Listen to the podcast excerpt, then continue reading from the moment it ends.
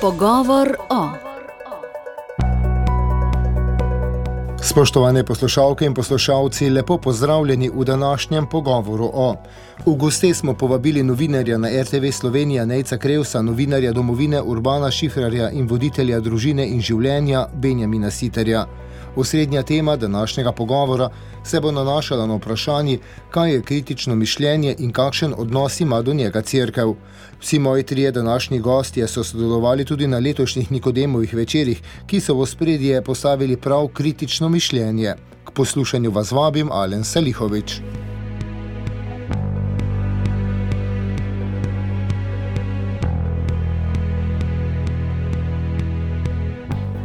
Spoštovani gosti, lepo pozdravljeni in dobrodošli v našem studiu. Lepo zdrav, hvala za vabilo. Dovolite mi najprej vprašanje za vse. Kako dojemate pojem kritično mišljenje? Gre za kritiziranje, kazanje s prstom, gospod Nec Krevs? Mogoče za začetek kritično mišljenje je torej sestavljeno iz dveh besed. Kritično, na drugi strani mišljenje. In zagotovo kritično vzbuja na neki strani dvom, nek občutek, da ne vemo, kje smo, oziroma na drugi strani, da želimo poiskati odgovore.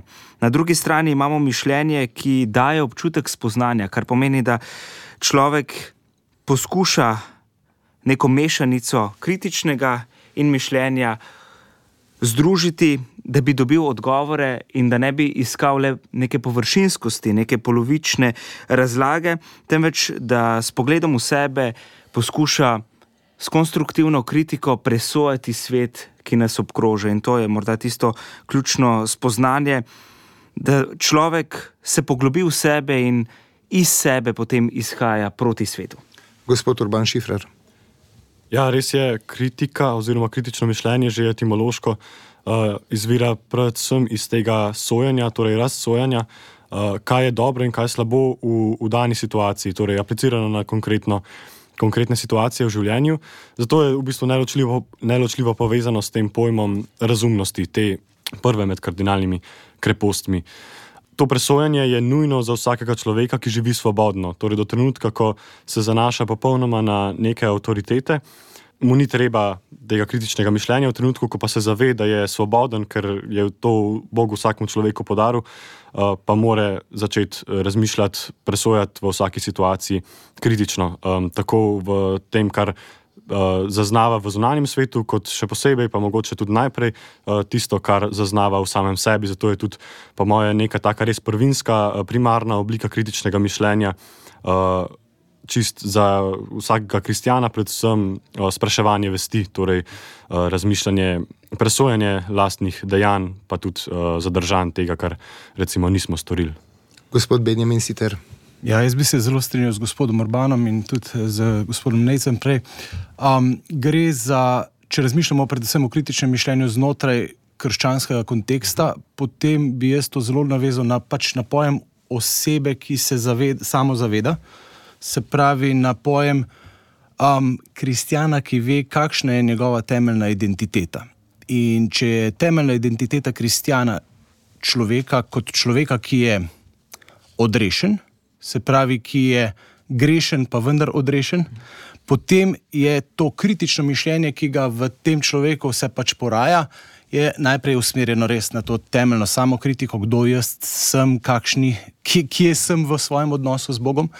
In za v bistvu temeljno, vsakodnevno in večkrat dnevno spoznanje, da jaz v resnici imam zelo veliko za delati, najprej sam na sebi. In ko se jaz te temeljne grešnosti zavedam, potem se zavedam tudi moje nujne potrebe po odrešeniku, po Kristusu v mojem življenju, in potem lahko imam tudi nek primeren kritičen odnos tudi na vzven. Potem to ni kritizerstvo, potem je tista zdrava kritika. Um, meni je zelo pomenljivo, da imamo ravno danes tisti evangelij, kjer Jezus govori o eni izgubljeni ovci. Pa bi čisto vsakega od poslušalcev po, povabil, da se najprej vprašam, kakšno mentalno sliko imam jaz, ko poslušam ta evangelij, da ga vsi poznamo. Ali se jaz vidim kot ena od tistih varnih ovčic, spravljenih v staji, uh, Jezus je šel pa ven iskati tiste tam zunaj, se pravi, tiste ta, ta grde ali se jaz res vidim kot tisto izgubljeno ovco, ki je večkrat na dan izgubljena in se pusti in pušča vedno znova najti. Um, če se bom jaz znal tako videti, potem bom jaz v resnici znal tudi pač primerno kritiko naslavljati. Uh, zelo pomenljivo je, da naslednji odlomek v tem 18. poglavju Matejovega evangelija je, če tvoj brat greši, pojdi in ga posvari. Se pravi, Jezus takoj iz tega samozavedanja, jaz sem izgubljena ovca, že vabi k temu, da vendarle v ljubezni do drugega uh, znam primerno tudi poskrbeti za njega in mu kakšno kritično na samem najprej reči. Gospod Šifrer, kako tanka po vaše je meja med kritičnim mišljenjem in obrniti se proti določeni ideji, proti določeni skupnosti? Ja, zdaj kritično mišljenje je prav v samem bistvu to, da.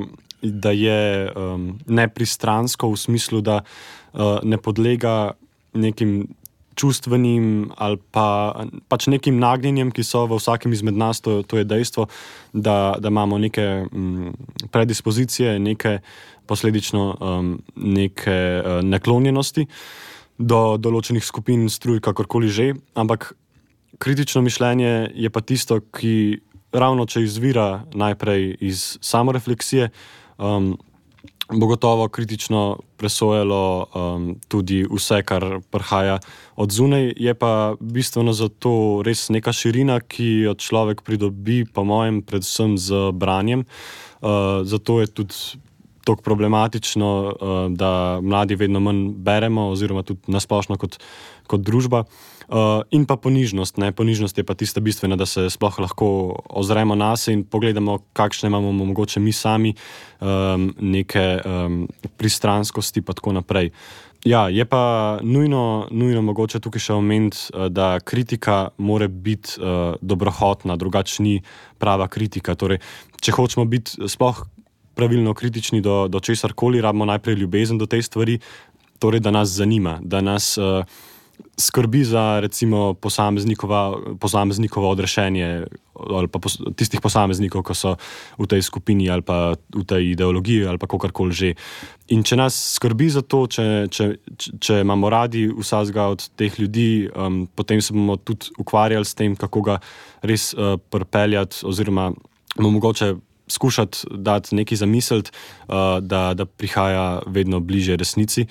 In če pridemo s to naravnanostjo do vsakogar, in predvsem, če najprej, najprej za njega molimo in se žrtvujemo, in potem nadaljujemo s tem, mislim, da se ne bomo, oziroma da bomo lažje premagovali to skušnjavo, da, da bi se obrnili generalno proti, tako sovražno proti um, neki skupini, oziroma predvsem posameznikom v tej skupini, ker mm. na ravni idej je to seveda nekaj, nekaj drugega, je dejansko boj, kjer so dobre in slabe stvari, na ravni ljudi je pa malo drugače. Ne?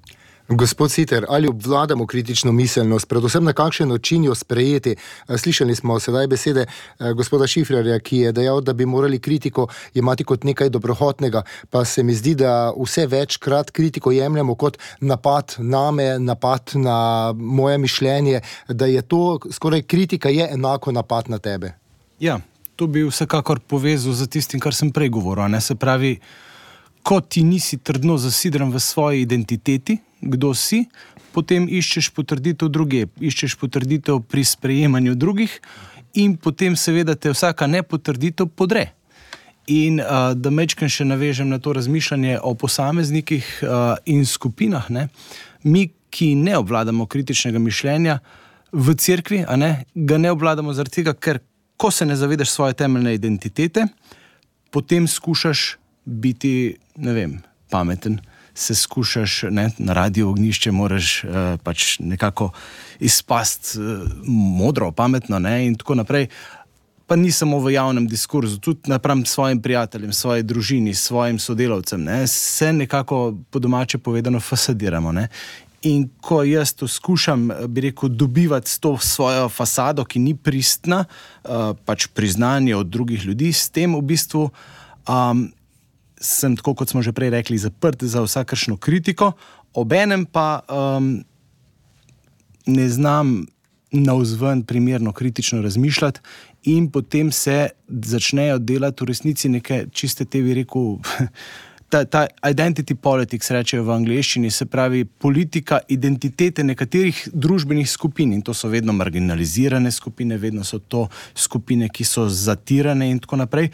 Predvideva, da nekje pa obstaja neka skupina, ki je pa kao popolna. Ne? Jaz bi rekel, da se izvirni greh te identity politics v resnici začenja pri nas v cerkvi, ne? ker smo se morda skušali na vzven plasirati kot neki popolneži, brez da bi ranljivo priznali, da nismo popolni. In potem um, se je to preneslo v zunani svet. Ne? In zdaj, ne vem, seveda, marksizem, frankfurtska šola in tako naprej, to je povzela in popeljala na, na naslednji nivo, ampak dejansko. Če bi mi, kot crkva, ki smo sol in kvas, oziroma bi naj bili v tem svetu sol in kvas, znali biti pristni, znali biti ranljivi, znali povedati: Ne, nimam vsega naštudiranega v življenju, nisem idealen, nisem popoln, uh, ampak božja ljubezen me odrašuje, potem tudi humusa za razrast to vrstnih skupin in skupinskih politik ne bi bilo.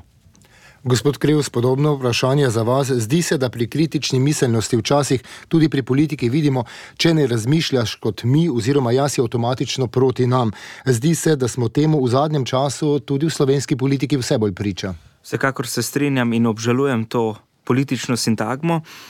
V prvi vrsti zato, ker politika morda sploh v zadnjih letih nima dovolj samokritičnosti do sebe, hkrati je pa tudi naloga medijev tista, ki je tukaj zaspala, da torej samokritičnosti nismo vključili pri vrednotenju same politike, ker bi morala v prvi vrsti politika služiti ljudem in temeljiti na določenih meritokratskih načelih z meritokratskim nabojem.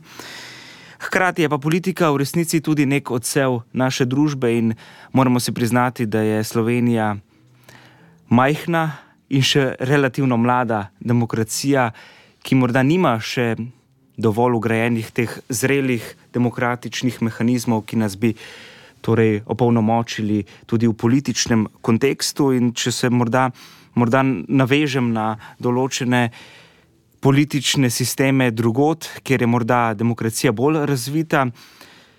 V Veliki Britaniji v parlamentu lahko vidite burne razprave, pa lahko vzamemo tudi druge države, da nimo v Izraelu, v Knesetu ali pa kje drugje, kjer so besedna obračunavanja na zelo visokem nivoju in se človek kar malo začudi, vendarle, kot da nimo v Italiji. Se določena politična debata zaključi, se različni poslanci iz različnih političnih provenienc odločijo, da gredo na kavo, si podajo roke in se o zadevah v imenu ljudstva in žele potem, da bi skrbeli za blagor vseh državljanov, podajo roke in pogovarjajo v nekem miroljubnem kontekstu in želi potem, da naredijo nekaj dobrega za narod. In eh, mi še nismo tako daleč. Mislim, da še ne.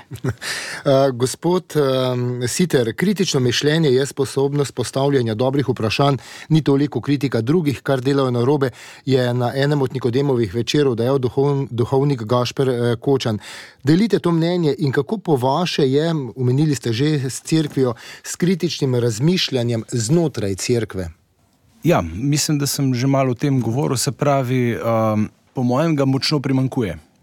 Močno primankuje kritičnega razmišljanja, um, ravno zaradi tega, ker se morda um, tisti, ki bi naj bili, sicer jaz mislim, da smo lajki tudi poklicani za oznanjevanje, ne samo duhovniki, ampak vidimo, kako se v resnici duhovniki pretirano ukvarjajo z družbenimi vprašanji, pa premalo z duhovnostjo. Se pravi, z vprašanji, ki bi ljudi formirala v tem, o čemer sem govoril prej, se pravi, o tej temeljni krščanski identiteti. Pač imaš potem duhovnike, ki zelo dobro in kompetentno razlagajo, bi rekel, družbene pojave in tako naprej. Um, in jih znajo tudi kritično pogledati. Jaz sem recimo ravno včeraj en vaš pogovor poslušal ne, um, na to temo, ampak ne zmorejo pa tistega koraka samo refleksije, ok ali je tista politična pismenost ljudi kaj povezana s crkvijo. Ali je politična pismenost v Sloveniji kaj povezana z tem, kako znamo mi v cerkvi pelati debate, kako se znamo dejansko pogovarjati. Ne? In če to pač umanka, potem pač kritičnost uh, udari na polno. In hvala Bogu, da kje udari in da začne postavljati kakšne vprašanja, ker, ker je prav, da se jih postavlja. Um, jaz bi omenil samo en tak primer, ki je me, meni zelo navdihujoč, pa sem zelo pred kratkim slišal za njega. Um, Poslušal sem in zelo priporočam vsem, ki angliško razumete dobro. Uh, podcast Pines with Aquinas, uh, ga res redno promoviram. Uh, se pravi, tam sta Scott Hahn in, in Matt Fred govorila o tem, kako biti svet. In na koncu tega pogovora, ki je šel prav v to smer, se pravi, kdo je svet? Svet je vsak človek, ki je kristjan, ki živi v posvečujoči milosti. Ne? Se pravi, mi kot kristijani lahko živimo življenje kristjana, kakršno bi naj v družbi živeli šele, kadar nas napolnjuje Božji sveti duh. In brez tega smo kristijani, licemerci, brez tega pač, pač je prav, da, da, da smo kritizirani.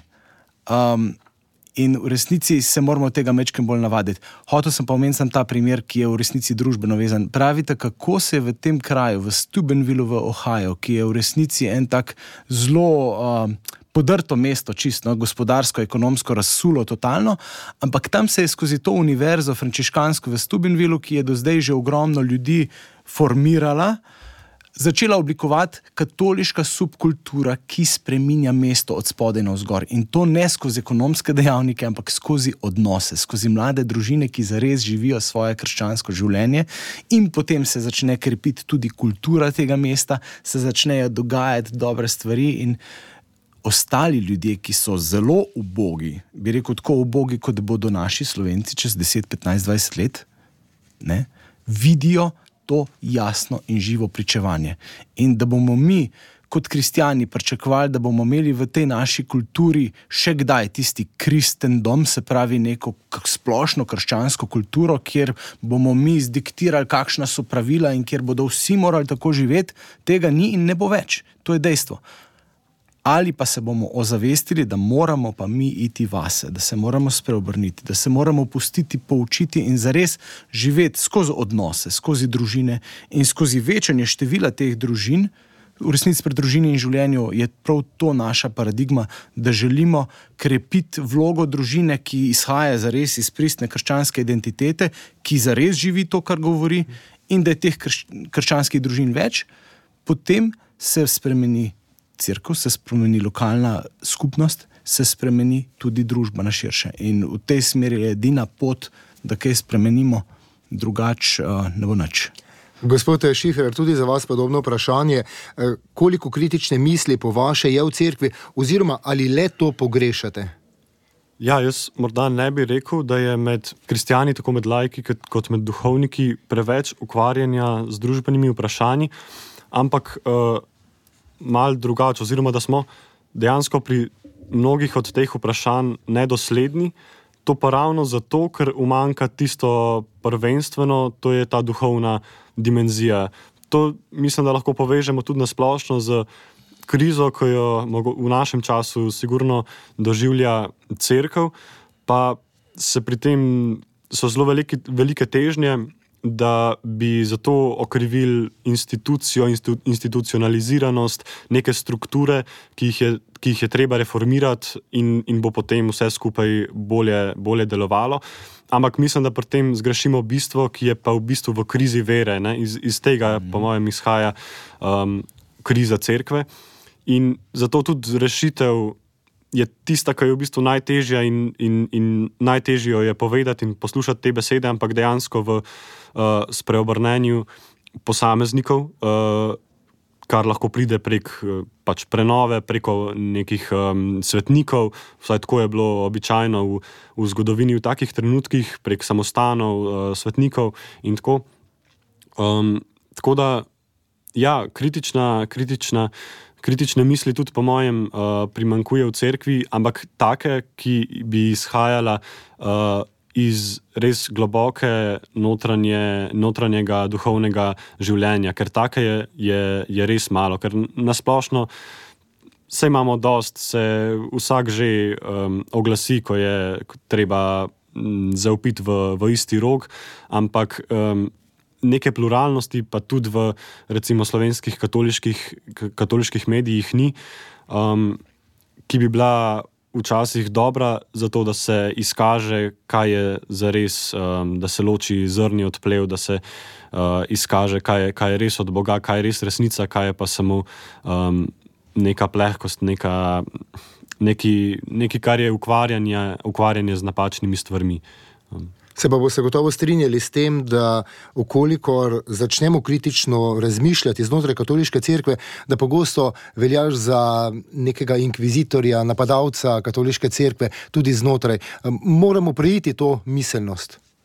Ja, mislim, da je v Sloveniji uh, ta miselnost še posebej zakorenjena, morda izvira iz uh, nekega občutka ranjenosti ali pa podrejenosti, ki smo katero smo zagotovo doživljali v, um, v preteklih desetletjih, pred osamosvojitvijo, sloh pa tako naprej.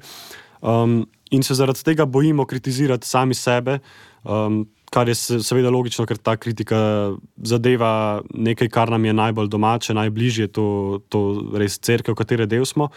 Um, Ampak, uh, ampak ja, ravno tukaj je, je, je res potrebno več kritike in tudi mislim, da mnogi uh, tuji mediji ali pa tudi uh, katoliški nekak svet teh podkastov in um, komentatorjev in tako naprej so, so glede tega bolj pluralni in, in mislim pa, da imajo tudi že se pozna njihov vpliv uh, sploh na, na mlade ljudi v slovenski cerkvi recimo. Mhm. Um, tudi ta primer uh, Univerze Stubenville um, je res ja, neverjeten, tako iz vidika tiste lokalne skupnosti, ampak tudi kakšen uh, vpliv imajo.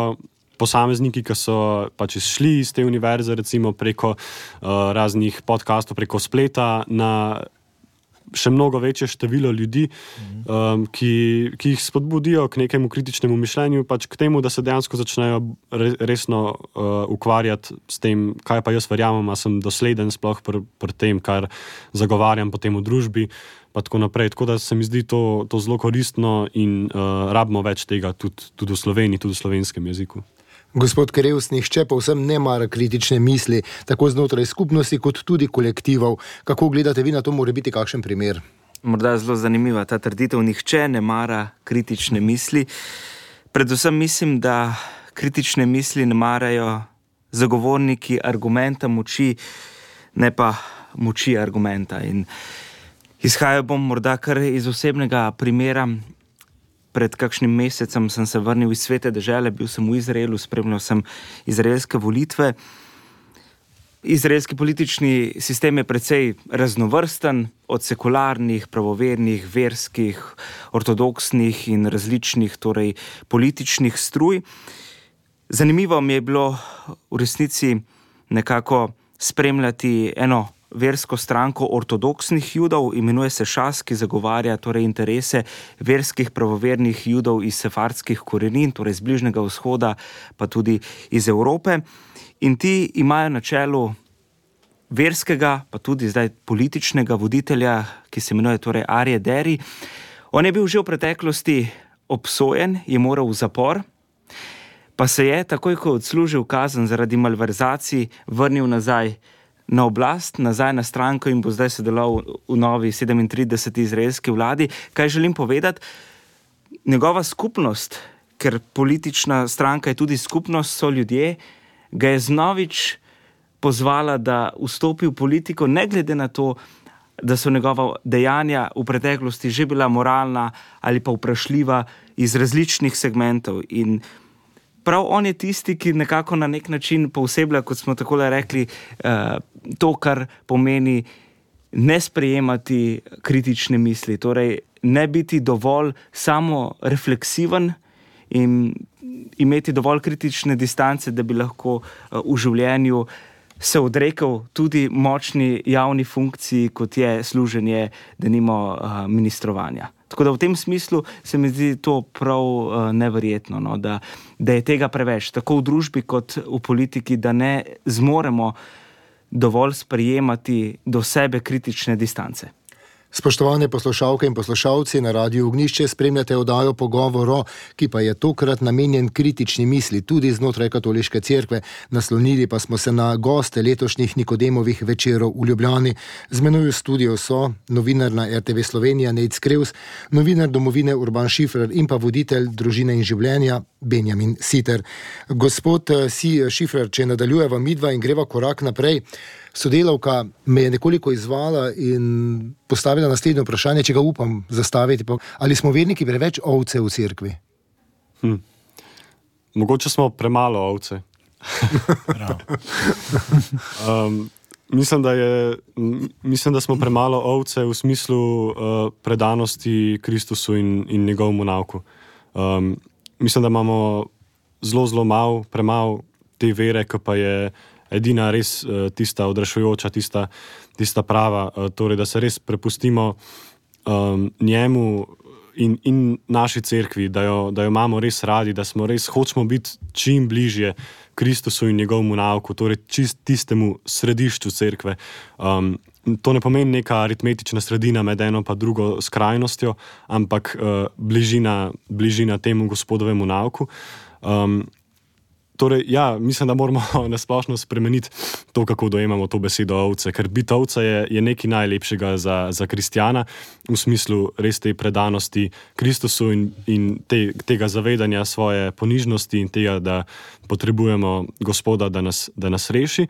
Um, zdaj, um, v odnosu do sveta, pa seveda, če smo ovce v odnosu do Kristusa, ne moramo biti tudi ovce v odnosu do sveta, ampak. Um, je to, je to nekaj drugega. Um, seveda, ja, dokler smo res predani njemu, se bomo tudi um, borili in zagovarjali njegov nauk, tudi če nas bojo peljali v zakol kot te ovce. Gospod Citer. Ja, se popolnoma strinjam. No. Dejansko um, smo poklicani, da smo ovce njegove črede, da, da dejansko vstopimo v to skrivnost vere ki pa nas opolnomoči. In ko enkrat ti zares pristno živiš to življenje in izkušaš to božjo ljubezen, in ko se te, bom rekel, Kristus zares osebno dotakne, uh, takrat potem ne moreš, da ne bi deloval naprej, da ne bi šel in bil njegov apostol. Ne? Jezusova zadnja, zadnje naročilo je: pojdite po vsem svetu in oznanjujte evangelije in naredite vse narode za moje učence. Ne? Vse narode pomeni tudi slovenski narod, naredite ga za njegove učence. In mi moramo postati res njegovi, ne samo kristijani, se pravi, da smo. Da imamo to etiketo, da si nekako pač, da, da izvršujemo določene dožnosti, recimo, vem, hodimo k maši, eh, zelo redko, kdaj tudi k spovedi, marsikateri in tako naprej. Ne? Se pravi, ampak da zares vstopimo v skrivnost, kaj pa je zdaj ta vera, kako pa jo lahko jaz živim v svojem praktičnem vsakdanjem življenju, v mojem osebnem družinskem življenju. Tle je najtežje, ampak dejansko mi pri družini in življenju veliko vidimo, kako ljudje tam zunaj rečejo, veš, mi vas gledamo. Mi vas opazujemo, kako vi živite. In če vidimo diskrepanco med besedami in dejanji, nas to pač odvrne. Če pa vidimo, da se stvari povezujejo, da zares živiš to, kar govoriš, potem je pa to nekaj najbolj privlačnega. In mi ne moremo drugače, kot da pustimo Bogu, da živi svoje življenje skozi nas, sploh ko to delata skupaj mož in žena to je v resnici definicija božje podobe v svetu. Ne? Mož in žena, ki skupaj živita življenje v Kristusu, pa to je neustavljivo privlačno. To avtomatsko ima vpliv na družbo in jaz verjamem in vem, da ga bo tudi imelo v prihodnje. Eh, tako da, ja, biti ta pristne ovce, to je naš poklic. Gospod Krevs, kritičnost v medijih, kje po vaše kritičnost preraste v kritizerstvo oziroma obsojanje? Ta meja se mi zdi, da je v zadnjih letih v Sloveniji, pa ne zgolj v Sloveniji, tudi v svetu zelo zamegljena. Ja, morda tudi medijski ustvarjalci premalo presojamo dejstvo, da v resnici nismo samo kritični do sami sebe. In smo takoj v resnici za politiko tisti, ki ne želimo slišati kritike, pa bi jo morali biti deležni večkrat. Zdaj, morda ne upravljamo sami vloge četrte veje oblasti ali pa kot sedme sile. Morda je problem tudi v tem, da znamo zelo hitro dajati lastne osebne komentarje. Ob tem pa se ne zavedamo, da v resnici to ni neka obče uh, veljavna dogma, ker v resnici morda od poslušalcev, gledalcev, odjemalcev pričakujemo, da zdaj to obče sprejmejo, da to, kar mi govorimo, to, kar mi komentiramo, da je to uh, nekaj, kar je. Sprejeto kot uh, dejstvo. In morda je tu največji problem medijev, da v resnici odigrajo uh, vlogo tistega, kar želijo, oziroma tiste neke družbene paradigme, kateri sami slonijo, brez neke kritične distance ali predstavitve golih dejstev, ki so morda bolj ključni za to, da si lahko nek posameznik ustvari mnenje o določeni temi. Mogoče ob tem še pod vprašanje, ko govorimo o razmerah tako v katoliški cerkvi ali pa nasplošno v državi, eh, se zdi, kot da sta to dva paralelna svetova, vsak eh, leti mimo enega, drug mimo drugega, eh, pa vendar se bo se strinjali, da tudi kristjan je odgovoren za stanje v družbi in tudi država je odgovorna po svoje tudi za delo kristjanov, da lahko normalno delajo. Vsekakor, morda je problem tudi tega, da sam, pa bom zdaj malo kritičen do lastne institucije, ki mi daje kruh, pa vendarle smo. Nacionalna radio televizija mora bili, bi spoštovati dejstvo, da tako rekoč večina slovenskega naroda se je odločila, da sledi Kristusu, sledi krščanstvu in da je to nekaj, kar bi lahko bilo zgled, nekaj, kar bi bilo lahko občudovanja vredno in da bi se lahko marsikatere teme tudi znotraj slovenskega medijskega prostora, prav preko torej javne radio televizije, lahko odprle in ne bi bile tako delikatne ali pa postale tabu teme, ki potem tudi jih ne moremo predstaviti v širšo razpravo znotraj katoliške cerkve. Gospod eh, Siter, katere teme menite, da bi katoliški mediji morali bolj jasno in bolj glasno naslavljati? Če lahko bi jaz sem malo repliciral na tole uh, omembo tega, da se je večina naroda odločila, da, da ostane krščanska. Jaz mislim, da ja, je bilo tako nekoč in Bog daj, da bi bilo še kdaj. Ampak uh, mislim, da je ena od tem, ki bi jih morali bolj jasno naslavljati, ravno ta alarmanten upad vere v resnici, ki, ki ga pač mislim, da zaznavamo na vseh področjih. A jaz, žal, nisem tako optimist glede teh številk. Mislim, da se tudi kakšna statistika uporablja zgolj v to, da se nekako potrepljamo po hrbtu, da pa vendarle še ni tako zelo slabo. Mislim, da je zelo slabo. Mislim, da smo glede tega, koliko je katolikov, ki zares živijo svoje krščanstvo v Sloveniji, premalo samokritični. Um, mislim, da je ogromno enega upada zagretosti za oznanjevanje, seveda tudi števila duhovnikov, starost duhovnikov, absolutno. Seveda so velika, eh, bi rekel, semena upanja in, in se že poraja marsikaj dobrega, to je tudi res. Eh, to, kar je prej gospod Urban omenil, vse te mlade, ki tudi od zunaj slišijo kakšne stvari. Škoda je, da jih morajo slišati od zunaj. Jaz bi v bistvu katoliške medije, v resnici tukaj radio ognišče, mislim, da dokaj dobro upravljate svojo vlogo. Pa vseeno, ne vem, pa recimo glede same sestave poslušalstva, koliko je tukaj mladih, ne, uh, ki bi formirali ljudi v veri. Se pravi, jaz vidim veliko potrebo po kreiranju večjih nekih teh podkastov, takih vsebin, ki bi se o teh stvareh, bi rekel, v tem formatu dolgih pogovorov lotevale zadev in bi dejansko um, poskušale to številko dvigniti. Na Nikodemovih večerjih sem večkrat provociral, sem rekel, vse smo se prešteli, ne? ko smo volili za Jana, za Ciglarja kralja, pa nas je bilo nekaj čez 4%. Ne? Uh, v tem smislu, se pravi, ni nas prav veliko, začnimo se dejansko tudi v družbi obnašati kot manjšina, ki lahko zahteva tudi neke svoje pravice. Pa si izbimo iz glave, da smo tista večina, ki bo diktirala drugim kako morajo živeti. Lahko pa se strinjava, da so bili Nikodemo večeri dobro obiskani. Ja, ne super. bo to nekaj spodbudva. ja, ja, ne, vse sem rekel, obstaja Absolutno. veliko znamen upanja, Absolutno. tako da ne bi rad bil čist preveč kritizerski. pa vseeno ob tem vprašanju, še gospod Citer, splav, eutanazija, poroka. Zdi se, da so to teme, ko jih začnemo naslavljati, tabu teme, vse bolj postajajo neke tabu teme. Češ od njih ne smemo govoriti, gre za neke pravice, takšne in drugačne. A smo kristijani na teh področjih pokleknili?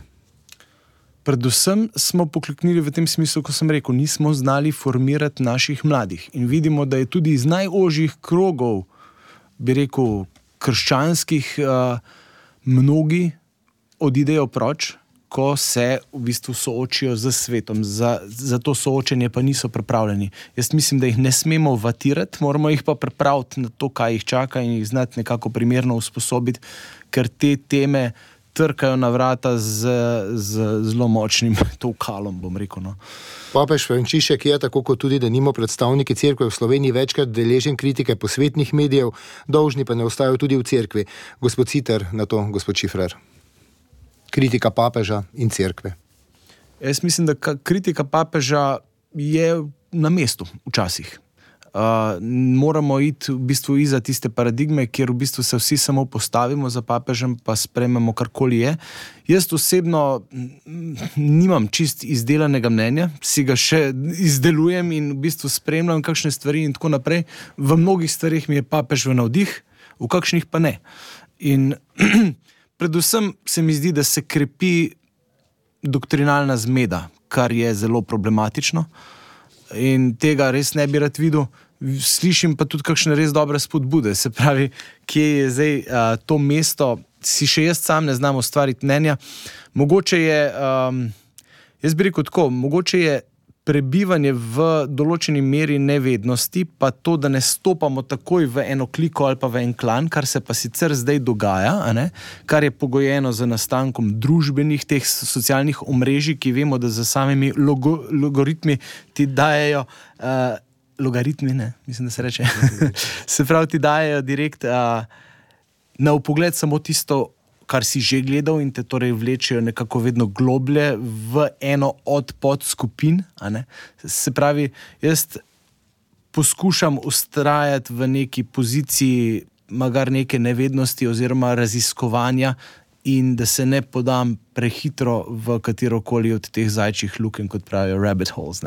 Um, in pač ta, ta pojav teh družbenih omrežij, ki vlečejo v majhne podskupinice, uh, se je zagotovo tudi v cerkvi sami zgodil. Modernisti, tradicionalisti v ZDA, recimo, to je zelo in seveda zdaj tudi z, na veliki zvon v Sloveniji. Ampak zaenkrat še tiščimo glavo v pesek, nismo se začeli še niti pogovarjati ne? in dejansko je tudi to odraz tega, da si ne upamo biti kritični in pa obenem, da se ne zauzemamo za resnico dovolj jasno. So pa te logaritmi, kot je povedal kolega, zelo jasno determinirani in nas zelo jasno upeljujejo v nek sistem, kamor želijo pač iz njega nekaj doseči. Mm. Bi pa po drugi strani morda dejal, da se mi zdi zelo na mestu v 21. stoletju dejstvo, da papež že kar nekaj časa uporablja Twitter. Pa ne zato, da bi tako kot to počnejo, da nimo politiki sporočal določena mnenja, izjave, ampak v resnici precej konkretno nagovarja nas vse, torej krščansko občestvo. In v bistvu se gre na nek način tihi ekumenizem, po drugi strani pa zelo eksplicitno nagovarja kristijane, pa tudi mislim, da nasploh vernike neki samorefleksiji, prav temu, kam, kar smo uh, govorili prej. In mislim, da je to ena pot, ki lahko vodi v res uh, sadove dobre vere. Gospod Šifrer. Um, ja, v bistvu bi se težko strinjal, da, so, da spremljamo glede papeža Frančiška kakšno posebno ostro nastrojenost ali pa kritiko v uh, vsaj slovenskih. Um, katoliških in nasplošno uh, družbenih medijih, se mi zdi, da so bili še, po, še posebej na začetku pontifikata. Um, V primerjavi z drugimi papeži, precej um, navdušeni nad njegovo osebnostjo, oziroma da se je um, dobro odrezal v javnem mnenju, tudi pri nekristijanih. Um, seveda je pa kasneje um, izrazil tudi kakšno malo bolj ostro mnenje, ki pač ni bilo uh, več pogodu um, nekim uh, običajnim družbenim medijem, ampak uh, vseeno, sploh v recimo slovenskih katoliških medijih, uh, teh osrednjih, mainstream, um, pa mislim, da še nisem zasledil kakšnega. Um, ne samo, da bi bil kakšen kritičen komentar, ampak tudi kakšne take um, resne analize.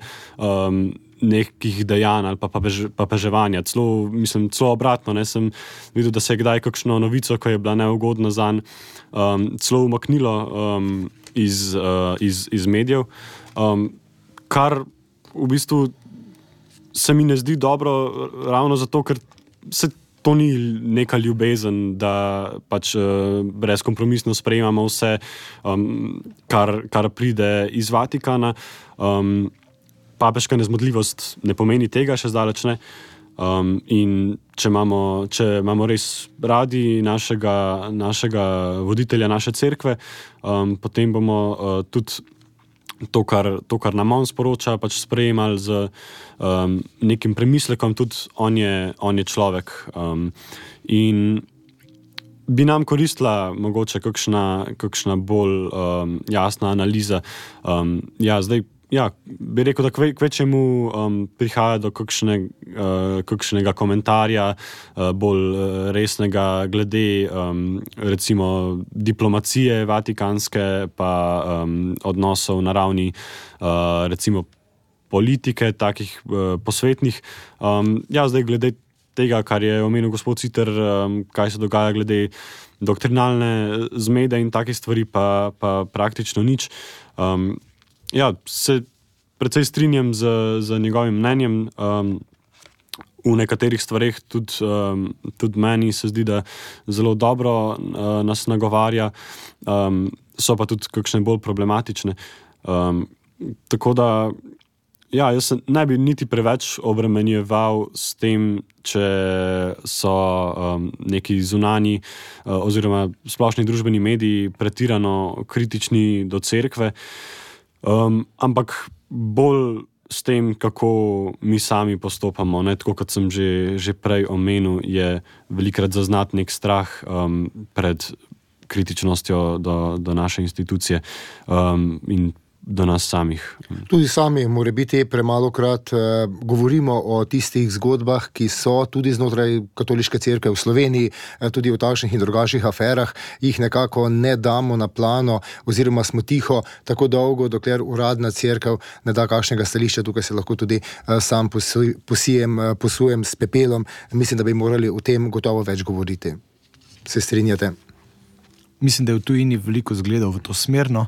Um, absolutno pač uh, tudi crkveni mediji, če imamo, če imate radi crkvo, to ne pomeni, da jo pač vedno tako, kot je gospod Orban rekel, v vsem samo podpirate. Ne. Se pravi, ker to v splošni kulturi današnje širše informiranosti, vendar ljudje ne spremljajo samo teh medijev, ne. se pravi. Uh, to pač lahko v resnici dvigne mislim, raven neke relevantnosti tega medija, če si upak tudi kakšno kritično eh, notranjo povedati. Ne. Da se ne ujameš zgolj v ta mehurček tako. dobrih, pozitivnih stvari. Tako, tako, ja. tako spoštovani gostje, počasi bomo sklenili današnjo oddajo pogovor o. Eh, Pa mogoče končava z vami, gospod Nec Krevs, za nami je super volilno leto. Kaj bi se po vašem morali tudi na področju kritike oziroma presojanja časa naučiti? Uf, to je pa zanimivo in dobro vprašanje. Predvsem bi se morali nekako zamisliti po eni strani nad dejstvom, da smo lahko veseli, da je super volilno leto za nami, iz večjih segmentov. En kaže na tisti pozitivni, da smo demokracija, da živimo v demokraciji in da imamo glas in možnost, da povemo svoje, po drugi strani pa v resnici volitve niso zgolj uh, samo nek odraz demokracije, ampak tudi uh, v resnici neka volja ljudi. In to voljo pač moramo spoštovati, kakršna koli že je. Je pa prav, da ne pozabimo, da kakršna koli politična volja velja v naši državi, da če smo svojo volilno dolžnost izpolnili, potem imamo tudi možnost kritičnega presojanja. Ker če je nismo, potem tudi težko kritiziramo in mislim, da niti nimamo pravice se uh, nekako uh, pogledati vase, pa reči, ok, nisem šel na volitve, zdaj bom pa kritiziral kogarkoli že je. In na tej točki uh, mislim, da je to morda tisto, kar se lahko iz tega izčrpnega, supervolilnega leta naučimo. Spoštovani gosti, iskrena hvala za obisko v našem studiu. Hvala, hvala za obilo.